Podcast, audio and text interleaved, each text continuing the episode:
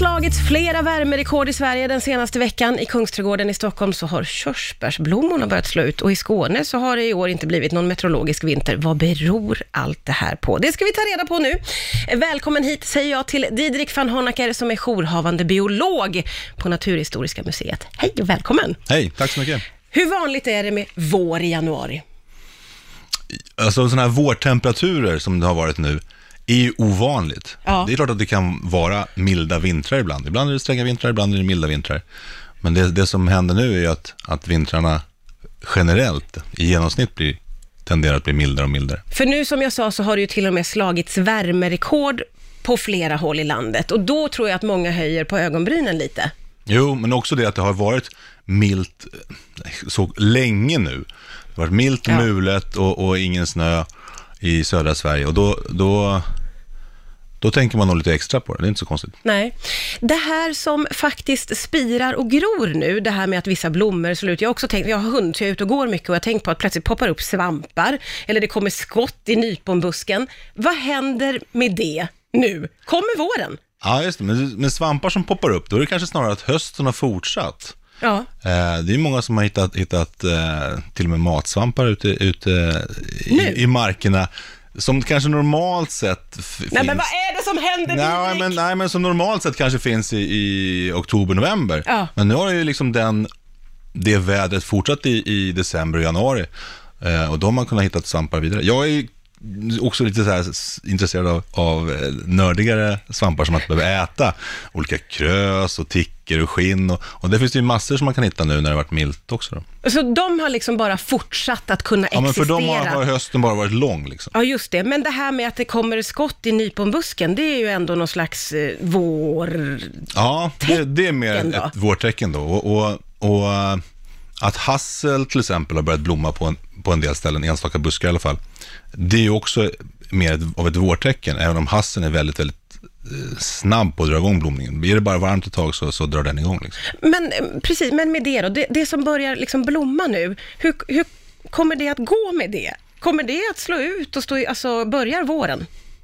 Nu?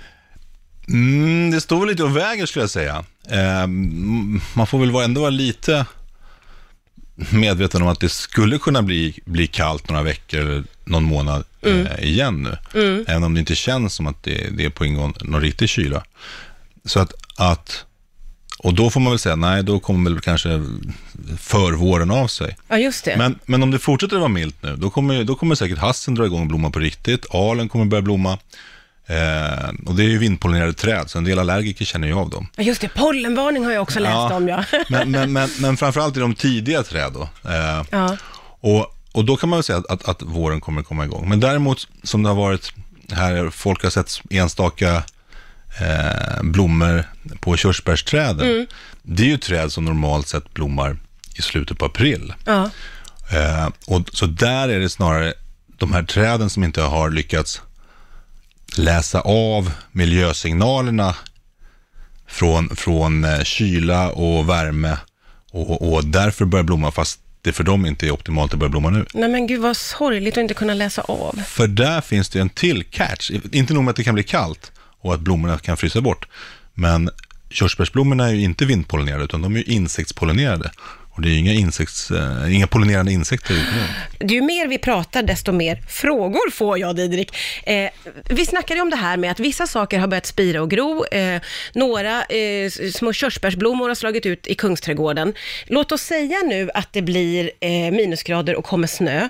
Eh, då ligger ju körsbärsblommorna risigt till, sa du. Ja, just det. De kommer säkert frysa bort då. Och då kommer de inte att blomma igen. Nej, de blomknopparna har ju redan slagit ut. Ja. Eh, det kommer anläggas nya blomknoppar sen i slutet på sommaren som kommer blomma 2021. Ja, just det. Men då får man ge sig till tåls. Men, men som det är nu så är det ju bara några enstaka kvistar Ja, eller träd som har dragit igång. Ja, just det. Det är De inte flesta hela. har ju sina knoppar outslagna. Ja, men det här med, jag tänker ju att det skulle kunna komma eh, vinter, det är ju bara januari, så i februari kan det ju bli kallt och komma snö. Ja. Eh, men, men det är inte så enkelt som att det bara behövs några minusgrader och lite snö, menar du här då? Nå, det, det kan ju bli så. Så det måste man ju vara beredd på att det kan ju faktiskt bli, bli rejäl vinter igen. Ja. Men ju längre fram på året vi kommer så minskar ju riskerna för det.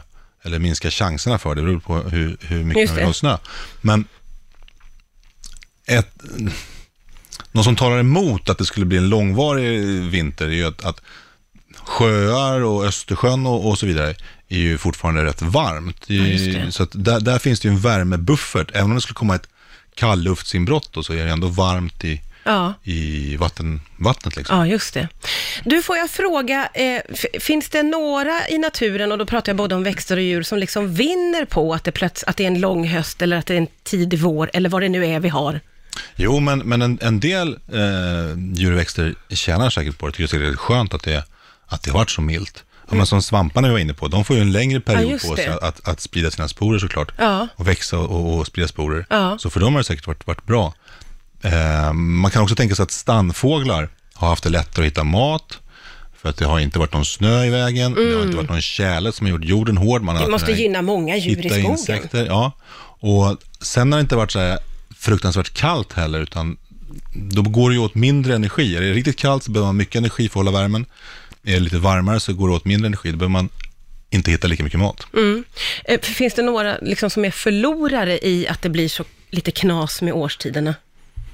Eh, ja, det finns det också. Och, och um, de, som, de som tycker det är segast att det är en snöfri vinter är nog de djur som byter till vinterpäls. Och som blir helt vita. Som skogsharen blir vit, eh, hermelin och vessla blir vita. Men bara från, från Mellansverige uppåt. I södra Sverige så blir de inte vita på vintern. Nej, nej, nej. För där okej. har det ju varit mera barmark och då Ja. har det gynnat de som inte blivit vita. Ja, Men det. från Mellansverige uppåt så blir de vita. Och, och att bli vit och se ut som snö, bra kamouflage, fast inte så bra om det inte finns någon snö. Nej, nej, precis. Men då gynnar ju det de som vill äta de här stackarna då, som är Ja, kanske. Ja, det är för och nackdelar hela tiden.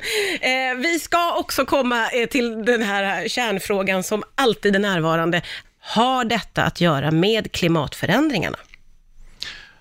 Ja, man kan säga så här, att det kommer bli vanligare och vanligare med milda vintrar. Det har att göra med klimatförändringarna. Eh, men även framöver så kommer det såklart kunna fluktuera, så att vissa vintrar är mildare, vissa är strängare. Ja, Men den generella trenden, eh, enligt de beräkningar man har, är att vintrarna kommer bli mildare i Sverige. och hur kommer det att påverka växtlighet och djurliv? Ja, det är inte alltid helt, helt eh, vad ska man säga, raka rör. Nähä? För att man skulle kunna tänka sig att, att, att eh, många saker börjar blomma tidigare till exempel. Mm. Hassen är ju en sån exempel. Men vissa djur och växter behöver en, en, en kall period för att vara säkra på att det redan har varit vinter. Eh, och ett sånt exempel är, är till exempel eh, fjärilar som övervintrar som puppa. De behöver en kallare period för att sen när det blir vår samla på sig tillräckligt mycket värme, tillräckligt många varma dagar Ja, ja, ja. för att kläckas och komma ut en fjäril. Så Och- de skulle inte palla? Nej, om, det, om, det, om det är så att det inte blir en sån kall period, då behövs det mer vårvärme för att de ska våga kläckas. Mm. Så i det fallet så kan det bli så att de fjärilarna kläcks senare på året och inte tidigare på året. Så det är ganska mycket komplexa ekologiska och eh, fysiologiska samband som, som, Ja. som styr om vad som kommer hända. Och hur lång tid tar det för sådana förändringar att liksom ske? Kan man säga det? Ja, alltså evolutionära anpassningar tar ju lång tid, men vi var ju lite grann inne på, på de här, djuren som var vita på vintern, men, men i södra Sverige så är de inte vita på vintern, utan där är de bruna.